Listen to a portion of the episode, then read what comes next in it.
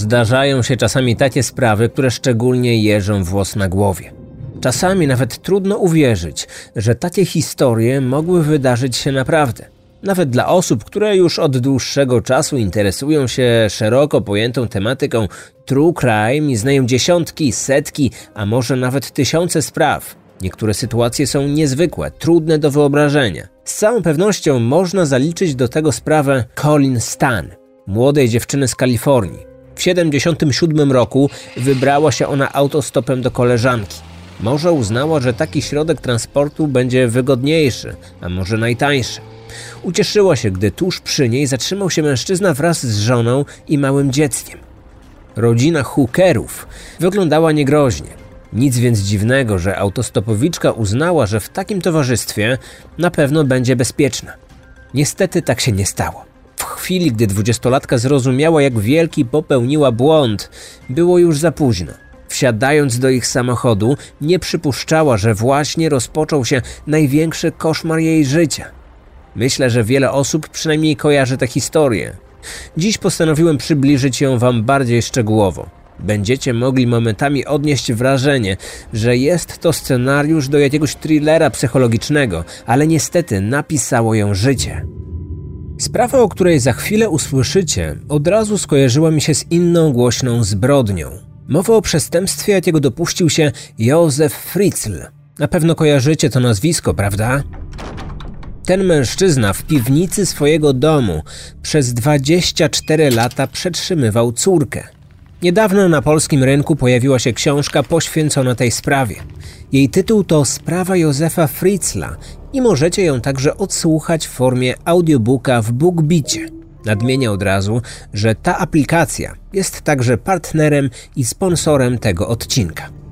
Sprawa Józefa Fritzla to obowiązkowa pozycja dla każdej osoby zainteresowanej gatunkiem true crime. Z audiobooka dowiemy się, w jaki sposób Józef planował zbrodnie, ile czasu zajęło mu przygotowanie podziemnego więzienia lub w jaki sposób się później z tego tłumaczył.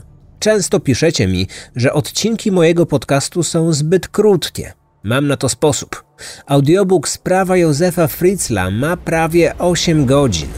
Poznacie tę sprawę z najdrobniejszymi szczegółami. Zachęcam do spędzenia majówki z mocną literaturą faktu oraz aplikacją BookBeat. Dla nowych użytkowników mam oczywiście coś ekstra.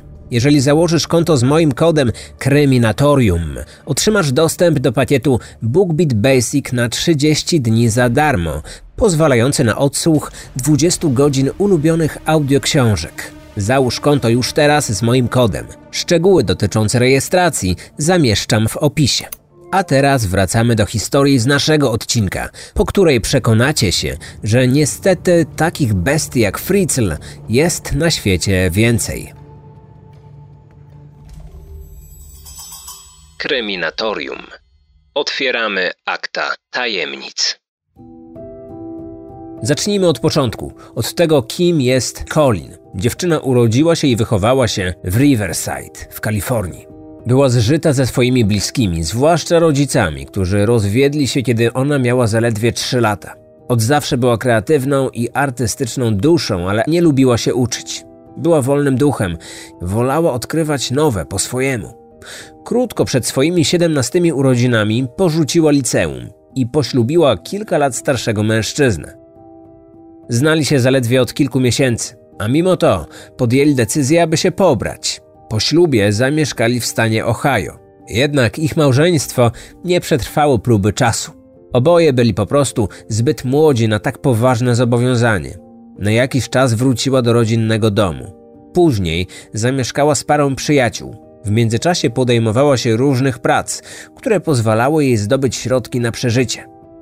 19 maja 77 roku jedna z jej przyjaciółek obchodziła urodziny. Postanowiła zrobić jej prezent w postaci niezapowiedzianych odwiedzin. Wybrała się więc w daleką podróż do północnej części Kalifornii. Lubiła korzystać z dość nietypowej formy komunikacji. Była zwolenniczką przygód, dlatego najczęściej podróżowała autostopem zamiast autobusem czy pociągiem. Oszczędzała przy tym sporo pieniędzy. Tamtego czwartkowego dnia zdecydowała, że właśnie w taki sposób dotrze do swojej przyjaciółki. Pogoda nie była dobra dla osób próbujących złapać okazję. Mocno wiało i było zimno. Colin miała na sobie kurtkę w kratę, półbuty, sweter i jeansy. Do swojej torby spakowała ubranie na zmianę. Wyszło z domu koło 11. Swoim współlokatorom powiedziała, że wróci w sobotę. Młoda kobieta szybko znalazła pierwszą podwózkę. Przejechała kilkadziesiąt kilometrów. Później zatrzymał się następny kierowca. O godzinie 16 próbowała zatrzymać kolejny samochód. Miała spore doświadczenie w takich podróżach. Kierowała się jasnymi zasadami. Wiedziała, komu może ufać, a komu nie. Nigdy nie wsiadała do aut, którymi jechali sami mężczyźni, ale tamtego dnia to głównie tacy się przy niej zatrzymywali. Niektórzy z nich już na pierwszy rzut oka wyglądali podejrzanie. Czasami byli zbyt nachalni. Do żadnego z takich samochodów nie wsiadła. Iskierka nadziei zapaliła się w momencie, kiedy zatrzymała się para, kobieta i mężczyzna. Uważała, że takim osobom można zaufać. Była przekonana, że nawet gdyby mężczyzna miał wobec niej złe zamiary, to przy swojej partnerce nie odważyłby się zrobić jej krzywdy. Ale okazało się, że jechali w zupełnie innym kierunku, więc szybko się pożegnali. Wciąż stała przy drodze, marząc, aby zatrzymała się przy niej właściwa osoba. Po chwili zauważyła zwalniający pojazd. Podeszła i zajrzała do środka. Mężczyzna, kobieta i malutkie dziecko. Rodzice mogli być w jej wieku, może jedynie trochę starsi. To wzbudziło jej zaufanie, dlatego wsiadła do środka.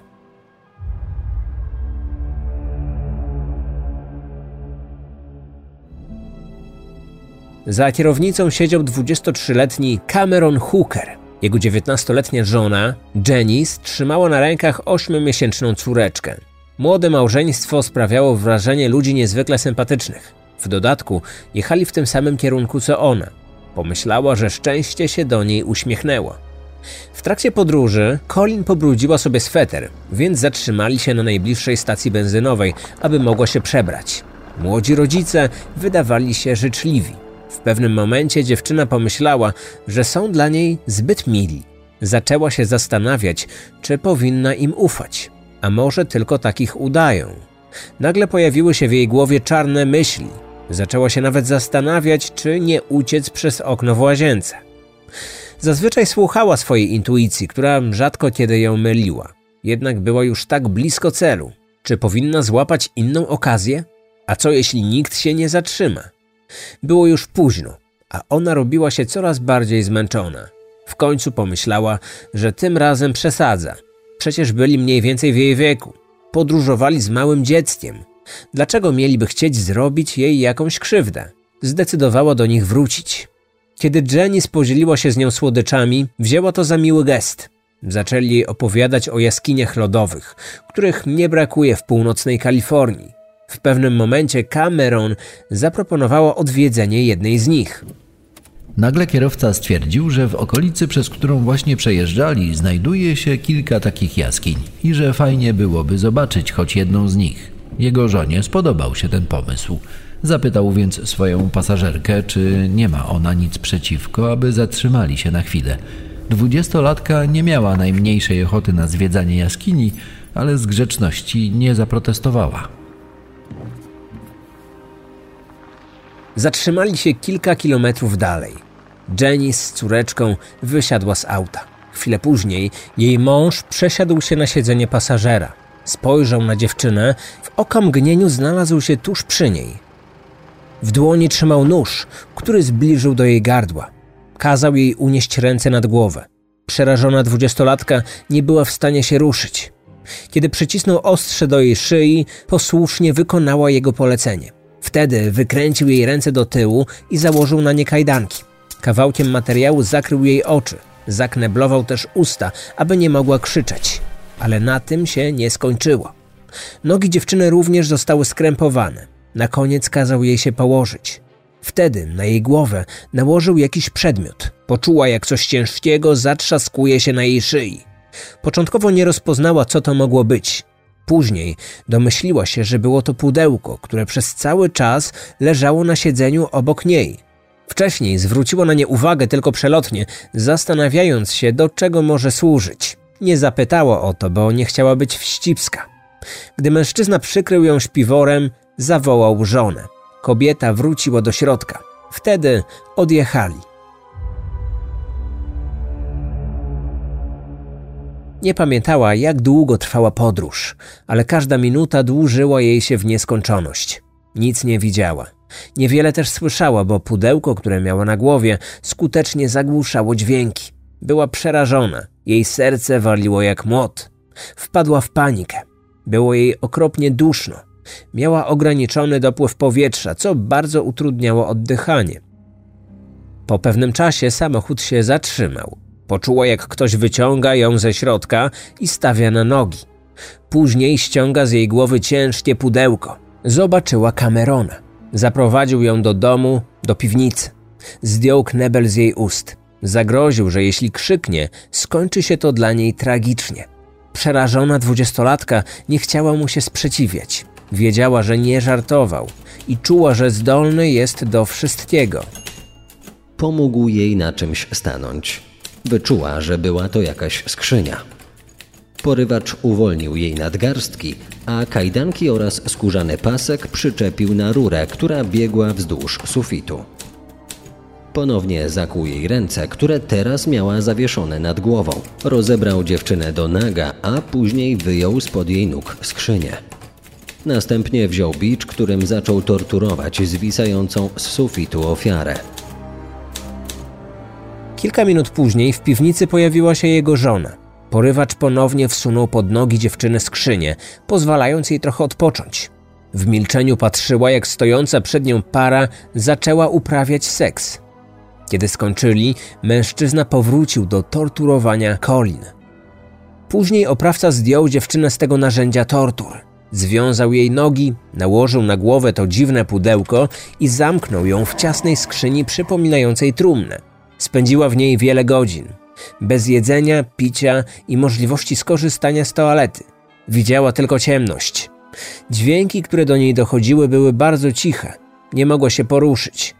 Cała była obolała od ciosów, które otrzymała. Myślała wtedy, że to najtragiczniejsza noc w jej życiu, ale najgorsze miało dopiero nadejść. Mogłoby się wydawać, że mężczyzna, którego fascynuje zadawanie bólu i upokorzenia, musi mieć za sobą traumatyczne dzieciństwo. Brak relacji z ojcem, kiepska komunikacja z matką, zaniedbanie lub doświadczenie jakiejś formy przemocy już we wczesnych latach. Z takimi informacjami często możemy się spotkać, gdy czytamy lub słuchamy o tych okropnych przestępcach. Jednak w tym przypadku tak nie było. Cameron pochodził z przeciętnej kalifornijskiej rodziny. Może czasami w jego domu brakowało pieniędzy, ale rodzice zawsze o niego się troszczyli. Matka zajmowała się domem, a ojciec pracował na budowie. Z powodu jego pracy rodzina dość często się przeprowadzała. To sprawiało, że Cameron i jego brat mieli problem, aby się gdzieś wpasować. Kiedy tylko z kimś się zaprzyjaźniali i przywiązywali się do miejsca, okazywało się, że czeka ich kolejna przeprowadzka. W 1969 roku osiedlili się w północnej Kalifornii. Nie miał bliskich przyjaciół, z nikim się za bardzo nie trzymał, nie należał do żadnej grupy. Większość czasu spędzał samotnie. Zawsze sprawiał wrażenie, jakby myślami był gdzieś daleko, ale w trakcie rozmowy z nim ludzie zawsze odnosili pozytywne wrażenie. Po skończeniu nauki w szkole poszedł do pracy. Znalazł zatrudnienie w tartaku. Dziewczyny nigdy się za nim nie oglądały. Nie przyciągał ich uwagi swoim wyglądem. Nie był wysportowany. Niektórzy uważali, że był zbyt chudy i niezgrabny. Do tego dziwnie się poruszał, a na nosie miał zawsze za duże okulary. Nie miał zbyt dużego doświadczenia w relacjach damsko-męskich. W wieku 19 lat poznał Janice. Była od niego 5 lat młodsza. Brakowało jej pewności siebie. Była bardzo naiwna, co mu odpowiadało. Imponował jej, bo był miły i szarmancki. Wcześniej żaden chłopak nie zachowywał się przy niej w taki sposób.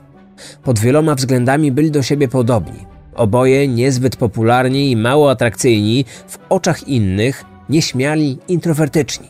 Pochodzący z przeciętnych domów, w których nigdy się nie przelewało. Zaczęli się spotykać i spędzać dużo czasu tylko we dwoje. Po pewnym czasie on namówił ją do współżycia. Nie protestowała, przecież była w nim zakochana po uszy. Ale z czasem jego prośby nabrały nieco innego wymiaru i przestały jej się podobać. Oczekiwał, że będzie spełniała jego specjalne fantazje. Chciał ją wieszać za nadgarstki na jakimś drzewie, rozbierać do naga i uderzać batem. Wmówił jej, że jego poprzednia dziewczyna godziła się na to, bo tak naprawdę wiele par tak robi. Choć zakochana w nim nastolatka początkowo się wahała, w końcu wyraziła zgodę na takie praktyki. Jednak już po pierwszym razie miała dość.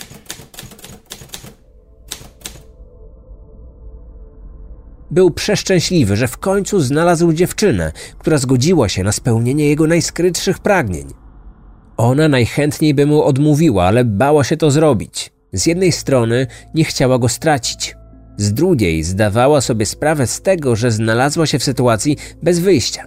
Konserwatywnym rodzicom, którzy nie poparli seksu przedmałżeńskiego, nie mogła o tym powiedzieć. Nie spojrzałaby im nawet w oczy. Obawiała się także tego, że jeśli go zostawi, zacznie się na niej mścić. Tak naprawdę uważała go za dobrego człowieka. Poświęcał jej dużo uwagi, zabierał w nowe miejsca. Po raz pierwszy w życiu czuła się dla kogoś ważna. Z czasem zaczęły ją jednak nachodzić ponure myśli. Co jeśli tylko udaje miłego, a swoją prawdziwą twarz pokazuje dopiero podczas ich sadomasochistycznych zabaw? Co jeśli w rzeczywistości jest niebezpiecznym drapieżnikiem, przed którym powinna uciec? Za wszelką cenę starała się oddalić od siebie takie myśli. Ignorowała wszystkie znaki ostrzegawcze, choć każdy kolejny wydawał się być coraz wyraźniejszy. W 75 roku para wzięła ślub. Ona nie skończyła jeszcze 17 lat. On miał 22. Porzuciła dla niego szkołę. Tak zaczęło się ich wspólne, dorosłe życie, które było bardzo skromne. Sprawiali wrażenie zwykłego małżeństwa, które buduje swoją przyszłość od podstaw. I żadna osoba z ich otoczenia tak naprawdę nie zdawała sobie sprawy z tego, co działo się u nich za zamkniętymi drzwiami. Początkowo żona spełniała wszystkie fantazje męża. Była przy tym bardzo posłuszna i oddana. Jednak w końcu zaczęła się buntować. Pewnego dnia mąż przyniósł do domu maskę, którą sam zaprojektował. Przypominała maski przeciwgazowe używane w wojsku. Przeraziła się tego pomysłu, ale on nalegał, aby ją przymierzyła. Gdy zaczęła krzyczeć, zakneblował jej usta i siłą nałożył jej maskę na głowę. Takich sytuacji było więcej. Wytworzyły one pomiędzy nimi dystans. Z każdym kolejnym dniem dziewczyna coraz bardziej bała się swojego męża. Czuła jednak, że nie może od niego odejść. Od dawna powtarzał, że kobiety znajdują się niżej w hierarchii niż mężczyźni, dlatego one muszą słuchać i wypełniać rozkazy mężczyzn, a nie odwrotnie. Po pewnym czasie zaczęła w to wierzyć. Znów nabrała przekonania, że jej życie nabrało znaczenia dopiero wtedy, gdy go poznała, że bez niego jest nikim. Mimo to nie była w stanie dać mu wszystkiego, czego pragnął. To go frustrowało. Pewnego dnia oświadczył żonie, że w ich domu przydałaby się druga kobieta, taka, która nie będzie mu niczego odmawiać. Kiedy zaszła w ciążę, a później urodziła dziecko, jego frustracja wzrosła jeszcze bardziej. Nie mógł już spełniać z nią swoich fantazji, dlatego coraz częściej powtarzał, że potrzebuje seksualnej niewolnicy. W końcu się na to zgodziła, ale postawiła warunek. Pozwoli mu przetrzymywać w domu obce kobiety w celach sadomasochistycznych, ale musi jej obiecać, że stosunki seksualne będzie odbywał wyłącznie ze swoją żoną. Zgodził się.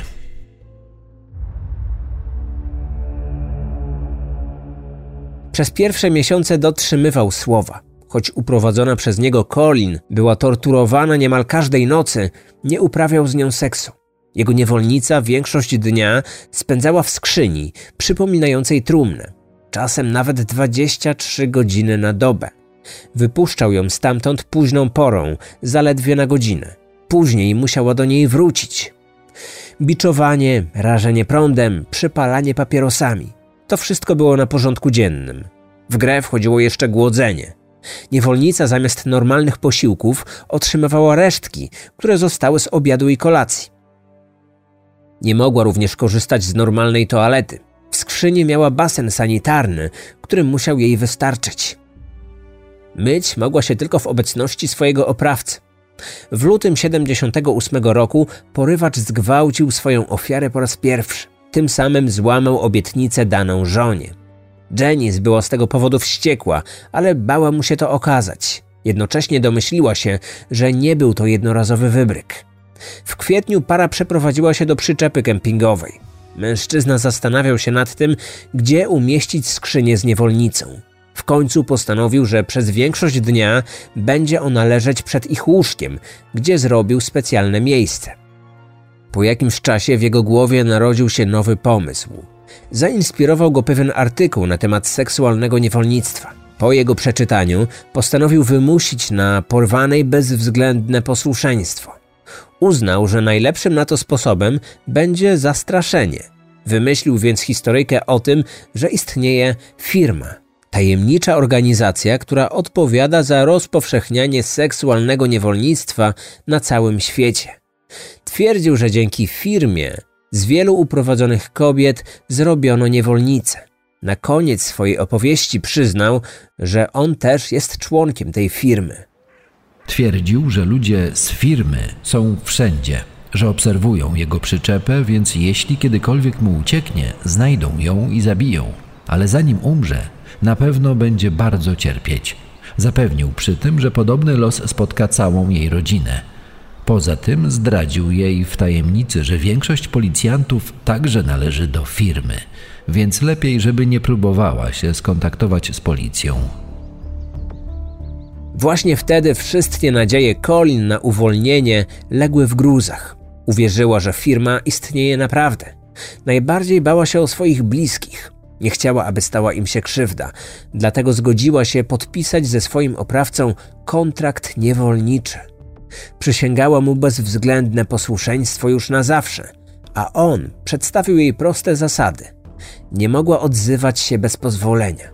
Do niego musiała zwracać się panie, a do jego żony pani. Była tylko niewolnicą, bez prawa do czegokolwiek. Straciła również swoje własne imię. Od tego momentu miała się nazywać K. Na szyi zaczęła nosić kołnierz przypominający obroże. By jeszcze bardziej nastraszyć swoją ofiarę, powiedział jej, że jego żona także była kiedyś jego niewolnicą. Wykorzystał przy tym fakt, że mająca problemy z biodrem Janice lekko kulała na jedną nogę. Jej uraz wyjaśnił tym, że raz próbowała uciec swojemu poprzedniemu panu, a ten w ramach zemsty pobił ją. Na koniec tej opowieści dodał, że to właśnie on ją uratował, wykupując ją i poślubiając. K uwierzyła w to wszystko. Dla nas może się to wydawać kompletnie irracjonalne, ale ta młoda kobieta większość ostatnich miesięcy spędziła zamknięta w czymś, co przypominało trumnę. Była głodzona, gwałcona i torturowana. Ciągle zadawała sobie pytanie, dlaczego akurat mi to wszystko się przytrafiło. W takich okolicznościach mało kto zachowałby trzeźwy umysł i nie dał się zmanipulować. Podpisanie kontraktu niewolniczego dało jej pewne przywileje. Od tego czasu częściej mogła opuszczać swoją skrzynię. Niedługo później Janice urodziła drugie dziecko, a K zaczęła jej pomagać w obowiązkach domowych. Co jakiś czas zostawała nawet sama w domu. Wtedy miała możliwość skorzystać z telefonu lub nawet uciec. Nie zdecydowała się jednak na żadną z tych opcji. Wierzyła w istnienie firmy i zbyt bardzo bała się zemsty na kimś z jej rodziny. Pomimo bezwzględnego posłuszeństwa, zdarzały się dni, kiedy nie mogła w ogóle opuszczać swojej skrzyni lub nie dostawała jedzenia. Dodatkowo zawsze musiała być czujna. Kiedy mężczyzna krzyknął uwaga, niewolnica musiała przerwać każdą wykonywaną czynność, podbiec do kąta i zdjąć z siebie wszystkie ubrania. Na szyi pozostawała jej tylko obroża. Stawała na palcach, ręce podnosiła do góry, a wzrok spuszczała w dół. Trwała w takiej pozycji do momentu, kiedy jej pan pozwolił jej odejść. Pokazywał w ten sposób, że kontrakt, który podpisała, to nie tylko skrawek papieru, ale prawdziwe zasady, których powinna się trzymać. Tak mijały lata. K posłusznie wykonywała każdy rozkaz swojego pana, a ten nadal ją gwałcił i torturował. Często przywiązywał ją do różnych przedmiotów lub podwieszał. Chwile spędzone poza skrzynią wykorzystywała głównie na sprzątanie lub gotowanie. Po pewnym czasie zaczęła mówić, że jest w nim zakochana. Pomyślała, że to jedyny sposób, aby przeżyć, bo jej oprawca był nieprzewidywalny i zdolny do wszystkiego. Każdego dnia zaczęła błagać swojego pana o możliwość zobaczenia się z rodziną, nawet gdyby miał to być ostatni raz w jej życiu. Mężczyzna obieca, że porozmawia z firmą i spróbuje uzyskać na to odpowiednią zgodę. W marcu 81 roku oznajmił swojej niewolnicy, że będzie mogła pojechać na jeden dzień do domu rodzinnego, oczywiście pod jego nadzorem. Stwierdził, że poręczył za nią, ale firma chce sprawdzić, czy dziewczyna jest mu posłuszna i czy nie spróbuje uciec. W tym celu powinna przejść specjalny test. Jeśli go zda, pozwolą jej odwiedzić rodziców. Jeśli obleje, już nigdy ich nie zobaczy. Test polegał na tym, że dziewczyna musiała włożyć sobie do ust lufę strzelby i następnie pociągnąć za spust. Była przerażona. Nie była pewna, co się stanie, gdy tak zrobi. Choć otrzymała zapewnienie, że broń jest rozładowana, bała się, że w ten sposób porywacz chce ją zmusić do popełnienia samobójstwa. Okazało się jednak, że mężczyzna nie kłamał. K zdała swój test, więc Cameron zawiózł ją w jej rodzinne strony. Ojciec i matka nie mogli uwierzyć własnym oczom. Ich córka wróciła do domu. Minęły prawie cztery lata, odkąd zniknęła bez wieści. Zgłosili zaginięcie na policji, jednak śledczym nie udało się niczego dowiedzieć. Nie było jakichkolwiek dowodów, że doszło do popełnienia przestępstwa. Dlatego z czasem wszyscy uznali, że dziewczyna po prostu wyjechała, aby ułożyć sobie życie gdzieś indziej. Kiedy ją zobaczyli po latach, od razu spostrzegli, że coś jest nie tak. Była zaniedbana i wychudzona. Miała dziwną fryzurę i niedopasowane ubrania, które wyglądały jakby zostały uszyte przez amatora. W dodatku niewiele mówiła. Udzielała jedynie lakonicznych odpowiedzi i wciąż była zdenerwowana, zwłaszcza w obecności mężczyzny, którego przedstawiła wszystkim jako swojego narzeczonego.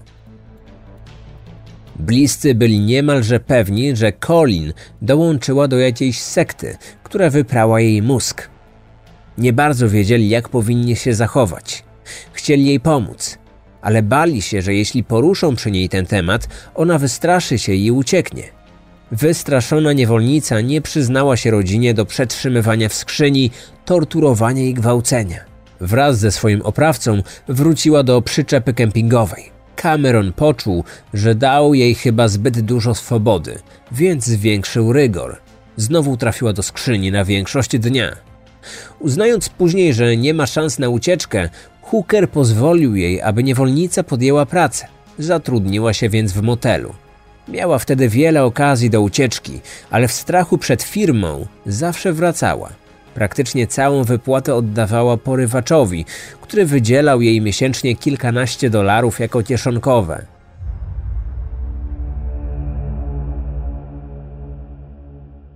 Janice również było trudno psychicznie z powodu tej całej sytuacji. Chciała, żeby to wszystko się skończyło, ale jej mąż w ogóle nie brał takiej opcji pod uwagę. Posiadanie niewolnicy bardzo mu odpowiadało. Jego żona, nie mogąc wytrzymać w domu, czasami pakowała swoje rzeczy i jechała do rodziców. Szukała również pocieszenia w wierze. Często chodziła do kościoła i czytała Biblię. Colin również sięgała po Pismo Święte, zwłaszcza kiedy nikt nie patrzył.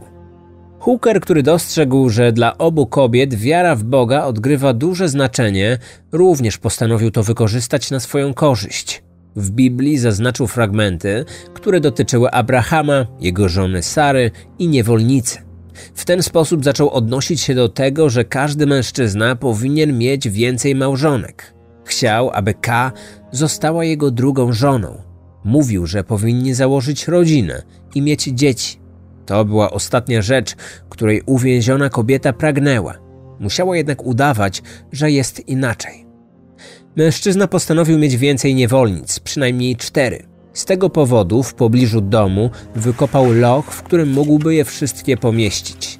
Porwana przez niego kobieta musiała mu w tych pracach pomagać. To było już zbyt wiele dla jego żony. Powoli dochodziło do niej, że jej mąż jest tak naprawdę złym człowiekiem. Przestała się łudzić, że to tylko fetysze. Podczas wizyt w kościele często rozmawiała z miejscowym pastorem, któremu pewnego dnia opowiedziała o sytuacji w domu. Mężczyzna poradził jej, aby wypuściła niewolnicę, a sama uciekła z dziećmi i zgłosiła męża na policję. W sierpniu 1984 roku, ponad 7 lat po porwaniu, Janice Hooker zebrała się na odwagę. Podczas nieobecności męża zawiozła Colin na przystanek autobusowy. Dała jej pieniądze na bilet i kazała wracać do domu. Powiedziała, że żadna firma nigdy nie istniała. Colin w końcu poznała prawdę. Wiedziała, że nikt nie skrzywdzi ani jej, ani bliskich. Mogła bezpiecznie wrócić do domu. Zanim wsiadła do autobusu, zadzwoniła do swojego oprawcy. Powiedziała mu, że odchodzi. Mężczyzna był zrozpaczony i przerażony. Zaczął płakać i błagać, żeby wróciła. Wtedy odłożyła słuchawkę i wyszła z budki telefonicznej.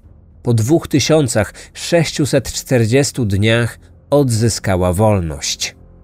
Mimo to nie zgłosiła się na policję. Bliskim również nie opowiedziała o tym, co działo się w jej życiu przez ostatnie 7 lat. Po tak długim czasie rozwinął się u niej najprawdopodobniej syndrom sztokholmski.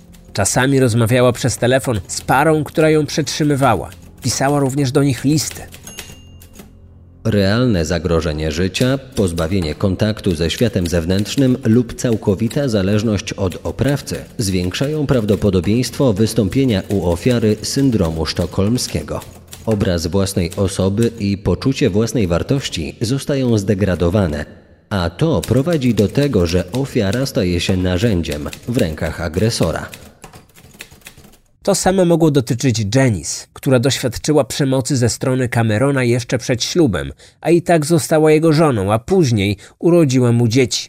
Po odesłaniu Colin do domu, kobieta postanowiła zostać przy mężu. Kazała mu zniszczyć wszystkie narzędzia tortur. On jednak nie chciał tego zrobić. Ostatecznie, w obawie o własne bezpieczeństwo, kobieta wyprowadziła się z domu.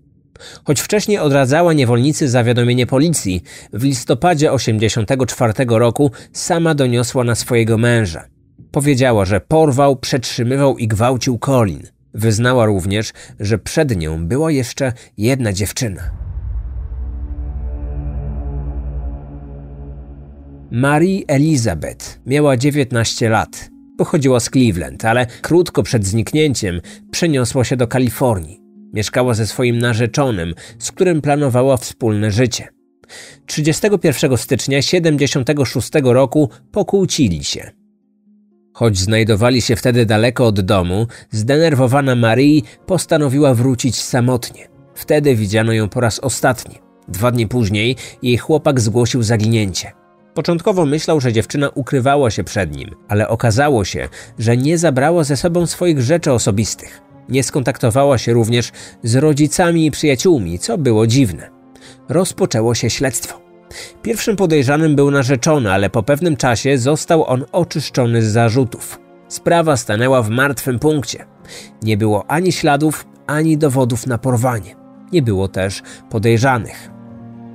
Dopiero prawie 9 lat później, w listopadzie 1984 roku, Janice Hooker przyznała się do tego, że pomogła mężowi w uprowadzeniu Marie. Oboje zaproponowali jej podwózkę do domu. Kiedy dziewczyna miała wysiadać z ich auta, mężczyzna złapał ją i ponownie wciągnął do środka. Następnie ją związał, zakneblował usta i nałożył na głowę pudełko, które sam wcześniej skonstruował. Zabrali ją do swojego domu.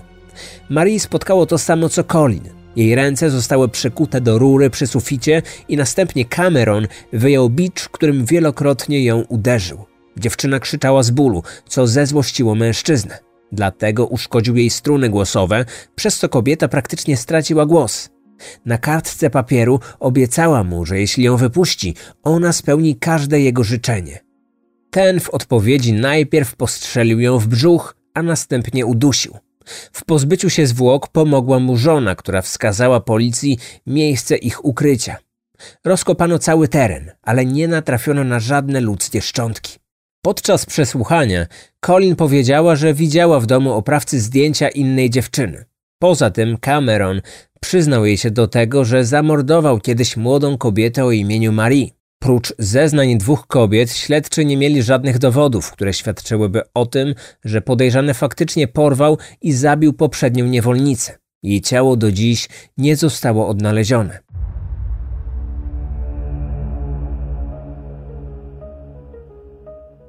Żona porywacza nie została pociągnięta do odpowiedzialności za pomoc mężowi.